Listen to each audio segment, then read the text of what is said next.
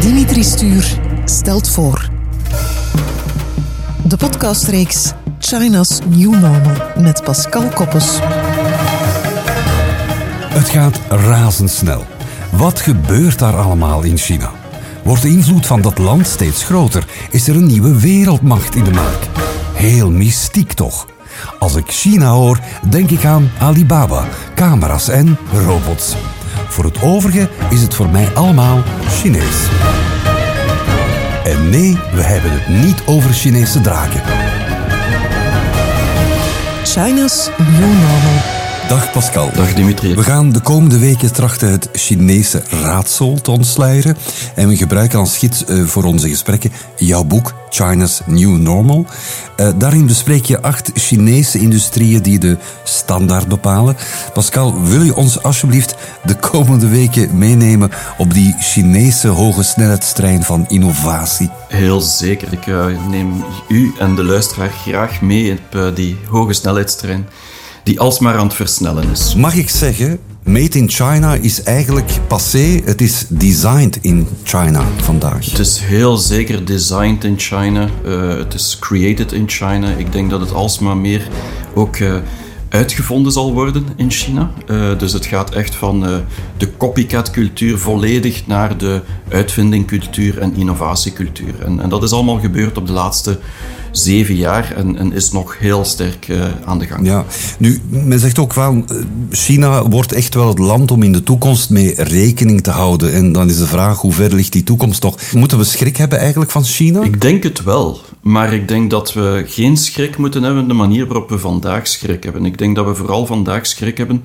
van een ideologie en van het, uh, het apparaat in Beijing en de top-down cultuur, het het autoritair regime van China, maar ik denk dat we vooral schrik moeten hebben van wat ik noem de bottom-up. En dat zijn de ondernemers, dat zijn de mensen, de, de, de burgers die eigenlijk een beter leven willen en daar heel hard bereid voor zijn te werken maar ook, uh, ook eigenlijk heel vlug te gaan om dat te bereiken. Dus ze zijn heel ongeduldig, de Chinezen. En ik denk dat we vooral schrik moeten hebben van hun ongeduld en hun doorzettingsvermogen. Het is goed dat je dat dan meteen aanraakt, Pascal. Ik wou het in deze eerste aflevering met jou hebben over ja, de totaal andere Chinese cultuur. Uh, als vertrekpunt, als basis om uh, dan in de volgende afleveringen China als maar beter te leren kennen. Over die cultuur gesproken, je liet het al meteen vallen. Um, ja, er zit een enorme drang, goesting, op zijn Vlaams bij van spreken, maar dan vertaald naar Chinees. Die enorme drang is toch wel zeer opmerkelijk hè, in dat land. Ja, dat is, is, ze willen vooruit. En, en dat is eigenlijk al sinds 40 jaar, sinds dat China terug opengekomen is naar de rest of de wereld, van de wereld, is duidelijk geworden dat die Chinezen, het is alsof dat die stuwdam, stuwdam opengesteld is geweest. En iedereen heel veel jaren heeft moeten wachten uh, en eigenlijk niet zichzelf kon zijn. En nu plots alles kan, bijna, wat, wat mogelijk is. Natuurlijk, alles kan in de context van China klinkt soms vreemd. Maar het is wel zo dat als je kijkt uh, binnen de Chinese cultuur, dat er enorm veel verandering is tussen nu en 20 of 30 of 40 jaar ja. geleden. Nu, in China lopen ook privé en werk echt wel door elkaar. Hè? Wij spreken altijd van quality time. Bij hen is quality time zowel werk als het privéleven. Ja, en dat is omdat ze heel pragmatisch zijn ingesteld. En dus voor hen is vooruitgang belangrijk en werk maakt daar een deel van uit. Zonder werk kan je eigenlijk moeilijk vooruitgaan in het leven. En dus het, het, is eigenlijk wel zo dat ze dat door elkaar mixen. Maar het is ook een 2500 jaar cultuur van een relatiecultuur. Want men zegt vaak China is een collectieve cultuur, maar voor mij is het meer een relatiecultuur. Waar eigenlijk de familie en vrienden heel dicht bij elkaar zitten en heel sterk vertrouwen hebben in elkaar. Met als gevolg dat ze ook weinig vertrouwen hebben in alles wat buiten die cirkel zit van mensen die ze niet kennen. En, en dat is dan het wantrouwen die we in het Westen vaak leren kennen. Maar binnen die cirkels van vertrouwen uh, leidt dat tot een soort van ja, business is personal, overal. En, en dat is ook wel leuk. En, en dat is iets dat, je, dat ik heb leren kennen. En dat men hier in het Westen veel minder kent, omdat men effectief uh, het werk en privé vaak scheidt. En, en in, in China loopt dat volledig door elkaar. Mhm. Kun je ook stellen dat Chinezen doorsnee genomen een stuk socialer zijn dan wij Westerlingen? Goh, als je naar een Chinees restaurant gaat en, uh, en kijkt naar de mensen uh, die aan het eten zijn, dan wordt er heel veel gelachen, heel veel geroepen. het is zeker een, een, een maatschappij die heel veel plezier maakt en die heel graag bij elkaar is. Uh, nu, het is ook zo dat vele steden hebben 1 miljoen, 10 miljoen, 20 miljoen mensen. Dus het is ook moeilijk om alleen te zijn in een maatschappij als China. Dus alleen op uw appartement of in uw huis, daar kan je je eigenlijk terugtrekken en zeggen van ja, nu ben ik met mijn familie. Maar dan nog leven de grootouders vader, vaak met u samen en heb je een kind uh, en dus zitten met vijf of, of, of meerdere mensen in één appartement. Dus ja, dat sociale zit daar, zit daar echt in. Zijn wij ook meer Westelingen, wij Westelingen, de denkers, terwijl de Chinezen eerder in mijn ogen de doeners blijken te zijn? Goh, je kan dat niet volledig scheiden, denk ik, omdat... Um, je mag niet vergeten dat China ook uh, eh, 2000 jaar cultuur heeft van denken. Uh, de filosofen uh, Confucius en, en het Taoïsme, het komt ook uit China, dus ze denken ook wel graag. Maar het verschil is dat ze zeer praktisch ingesteld zijn. En dus dat ze vooral het creatieve en het praktische bij elkaar voegen. En ze kunnen heel creatief zijn en heel nieuwe dingen bedenken, maar als ze geld kunnen mee verdienen, of het is iets belangrijk voor hun familie, of het is iets dat nodig is, dan maken ze vlug die switch om heel praktisch te zijn. En wij blijven denken. Terwijl zij die switch maken, ja. Dat, dat pragmatische, dat praktische denken, zeg jij, maar tegelijkertijd kun je ook wel stellen dat ze misschien vaak ook gokken. Ja, dat klopt. Ze, ze, ze durven risico nemen. En als ondernemer begrijp je dat heel goed, zeker als start-up, wat ik heel lang geweest ben, uh, is het duidelijk dat je moet soms risico nemen en dat je moet durven springen. En als je, je moet ook begrijpen in de Chinese context, de laatste 40 jaar, dat bijna iedereen rondom u ergens wel rijk geworden heeft of een opportuniteit heeft gekregen. Dus je wordt voortdurend geconfronteerd met mensen die die sprong genomen hebben en die succes hebben gehad. En Jack Ma is daar van Alibaba het mooiste voorbeeld van, maar zo lopen er eigenlijk heel veel mensen rond. En ik zelf, die 30 jaar met China bezig ben geweest, tot nog toe, uh, zag ook heel veel van mijn vrienden, 20, 30 jaar geleden, die nu echt wel het heel goed stellen, veel beter dan ik soms, en die wel die sprong genomen hebben. Dus als je dat voortdurend ziet, dan, dan durf je dat ook wel doen. Maar Chinezen zijn wel gokkers van, van nature. Dat, dat is wel een feit. Je hebt heel lang in China gewoond, meer dan twintig jaar als ik me niet vergis. Twintig jaar, ja. Ja, dan stel ik me de vraag, de, eh, was je dan ook iemand in die periode, toen al misschien, die vaak met zijn smartphone rondliep en alles deed en met de smartphone? Of, of was dat nog een beetje te vroeg voor jou toen? Nee, uh, heel zeker. Maar de smartphone is er in China pas in 2008 gekomen. Uh, dus uh, dat is twaalf jaar terug. En ja, ik, ik kan niet meer leven in China zonder die super-apps, dat men zegt. Het, het is zo gemakkelijk geworden om je leven eigenlijk te begeren dat je, dat je kunt gewoon alles ermee doen. En ja, je wordt er heel vlug verslaafd aan. En, en het wordt een stuk een deel van jezelf of een extensie van jezelf, omdat je zonder, uh, ja, voel je je echt wel verloren. Dus dat is, ja. Ik kijk al even vooruit naar een van de topics die we de komende weken zullen aanraken en dat heeft dan betrekking op de retailsector. Ik las dat het ja, een heel gewoon iets is in uh, China, dat jongeren vooral ja, eigenlijk hun vrije tijd besteden in winkels. Klopt, ja. Dat is iets dat uh, voor mij ook bevreemdend was in het begin. Maar je hebt in China, zeker in de grote steden, Shanghai, Beijing, Shenzhen, heel veel van die supermalls, waar je dus echt een hele dag kan doorbrengen. En de Chinezen gaan dus naar zo'n supermall, vaak koppeltjes uh, of, of de familie, en die brengen daar een hele dag door. En dat is zo opgesteld dat je eigenlijk alles kan doen dat je maar kan bedenken van vrije tijd. Van winkelen, gewoon voor kleren of, of voeding, tot naar de cinema gaan of uh, in uw kinderen kan je ergens in een crash gaan zetten voor de namiddag en, en die kunnen gaan spelen. Of je kan alles doen, een bibliotheek, alles zit in die ene supermall. En die zijn allemaal aan een metrostation, dus heel gemakkelijk bereikbaar. En dus je hebt gezien dat eigenlijk uh, het, ja, het uh, gaan winkelen een soort ervaring is geworden, meer dan, dan een proces of een plan. Ja. Als je China voor de eerste keer uh, in China voor de eerste keer toekomt, Pascal, dat is voor jou natuurlijk al een hele poos geleden. Is dat echt een cultuurschok voor ons? Dat hangt af wat je verwacht van China. En bij mij, 30 jaar geleden, was het toch wel een cultuurshock. Maar China 30 jaar geleden en China vandaag is wel een groot verschil. Mensen liepen daar nog met een mouwpakje rond en iedereen reed nog met de fiets.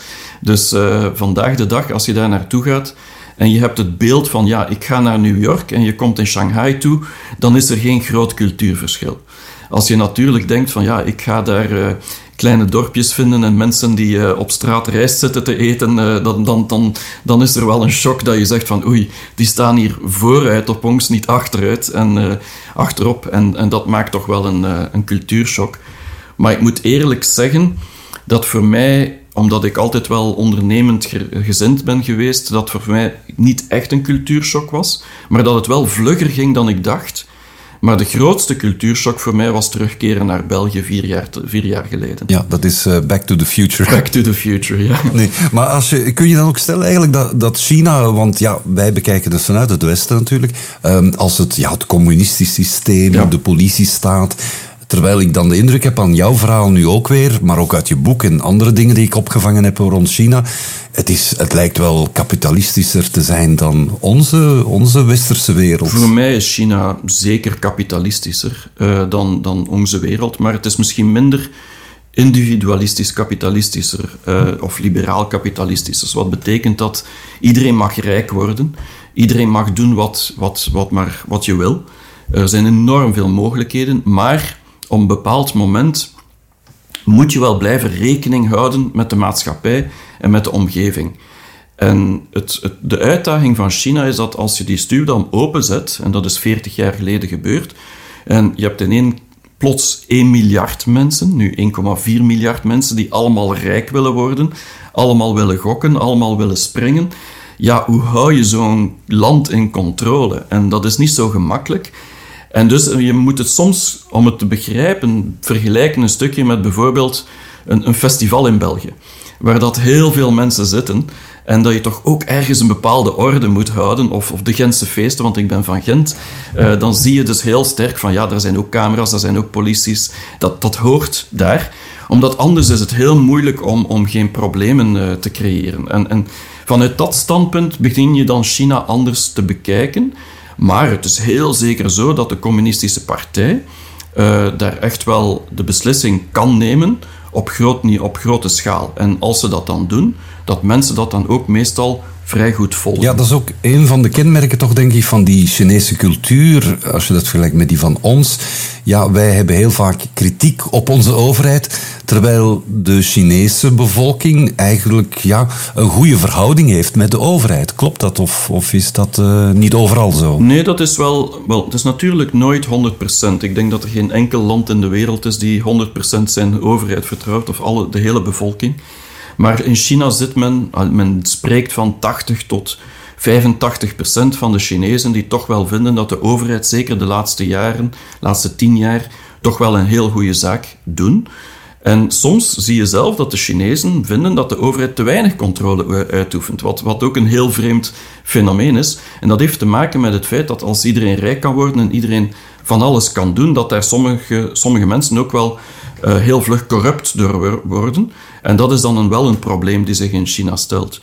Maar ik zou zeker niet stellen dat, uh, dat alles um, super gecontroleerd is, mm. maar het, het, is wel aanwezig. Als je in China vertoeft en um, blijf even in die cultuur hangen, hè, die, die cultuur die zowel op persoonlijk niveau als op, op, op zakelijk niveau. Zijn Chinezen optimisten volgens jou? Kijken ze hoopvol naar, naar de toekomst? Dat is voor mij het grootste verschil met uh, het Westen, of toch zeker Europa, is de, het positivisme en het optimisme dat Chinezen hebben. Het is, het is een heel hoopvol land.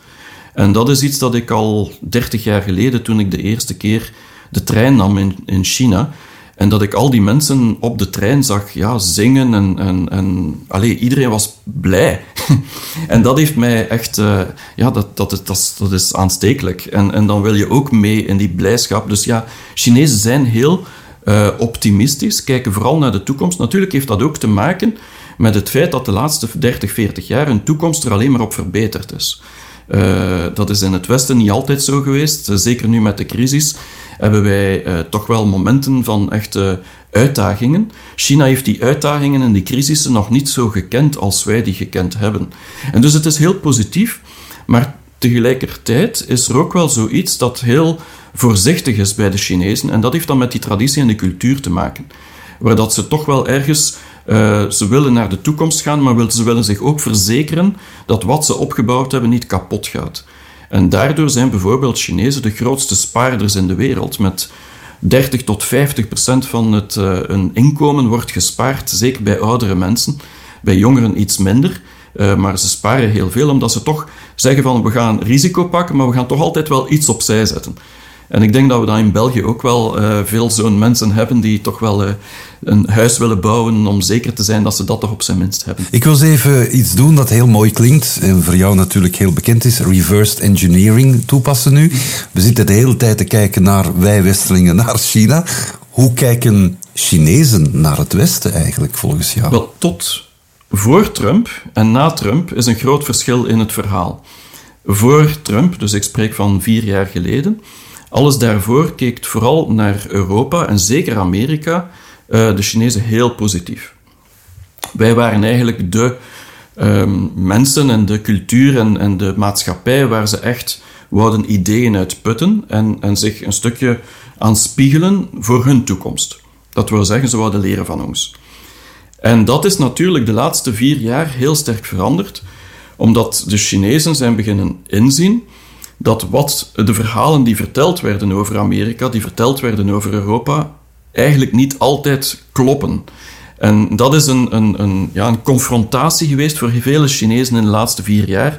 Van waarom hebben wij ons altijd gespiegeld aan dat land en willen wij eigenlijk diezelfde vrijheden uit Amerika en uit Europa wouden dan het sociaal systeem waar iedereen gezondheidszorg heeft en.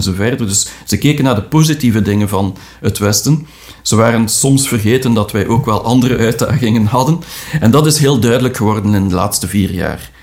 Waardoor dat de Chinees nu meer zoiets heeft van ja, uh, we willen er wel nog blijven naar kijken, maar langs de andere kant, misschien is ons systeem ook nog zo slecht ja. niet. Ik hoop in deze komende reeks, Pascal, toch ook uh, buiten dan cultuur en economische inzichten die je hebt, de helikopterview die je hebt over dit land, ook een beetje Chinees te leren. Maar goed, dat zullen we zien hoe dat, dat verder loopt. Uh, maar toch even over die taal. Het is een vind ik een verschrikkelijk moeilijke taal.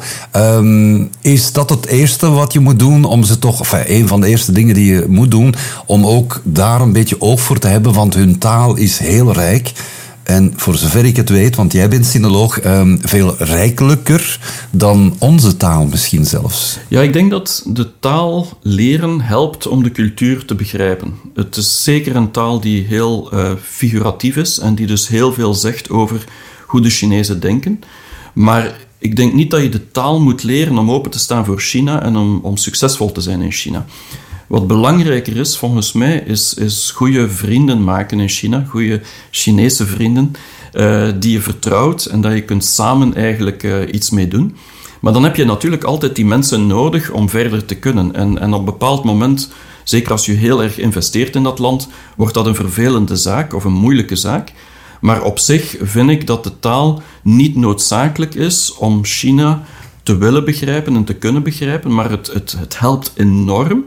Nu, langs de andere kant, als je dan die energie en die tijd erin gestoken hebt, en dan spreek je toch wel al vlug over een jaar intensief studeren, dus dat is niet uh, voor iedereen weggelegd, dan denk ik wel dat er een hele nieuwe wereld open gaat. En dus in een bepaald opzicht, als ik zou kijken naar, naar België, Um, dan zou ik zeggen van ja, in plaats van misschien alles op innovatie in te zetten, zouden we misschien allemaal Chinees moeten leren. Dan zijn we het enige land in de wereld waar iedereen als tweede taal Chinees heeft. Dat zou ons wel helpen in de toekomst. Maar ik weet niet of dat, dat plausibel zou zijn. Ja, misschien moeten we het wel ooit, hè, als China de nieuwe grote wereldmacht wordt. Dus ik denk dat, uh, dat, daar geen, dat dat geen vraag meer is. Ik denk dat China sowieso de grote wereldmacht wordt, zeker op economisch vlak. Ehm, ik zie niet meer in, behalve als er een oorlog zou komen. Natuurlijk, laten we hopen dat dat er nooit meer komt. Dan zie ik niet in hoe China als economie niet uh, Amerika op een bepaald moment gaat voorbijsteken. En ook eigenlijk het magneet gaat, de magneet gaat vormen van uh, het hele Aziatische continent die toch uh, bijna 50% van de wereldbevolking inhoudt. Dus dat is, uh, dat is niet niks. We zijn in deze eerste aflevering, Pascal, al een stukje aan het opschuiven naar uh, kijken naar dat land met een andere bril. En dan kom ik heel dicht bij het volgende thema in de volgende aflevering. Ik geef maar een paar voorbeelden. De bril, de intelligente bril die politieagenten dragen om misdadigers te onderscheiden van de gewone burger. En zo verder, gezichtsherkenning, nummerplaatherkenning.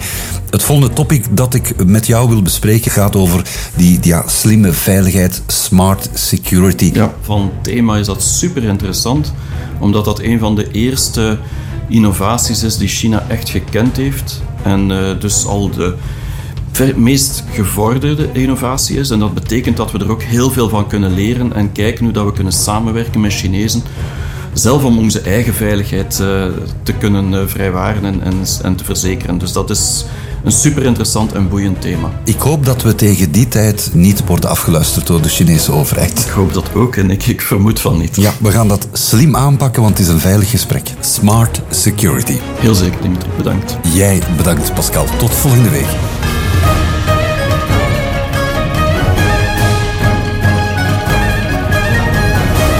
China's New Normal.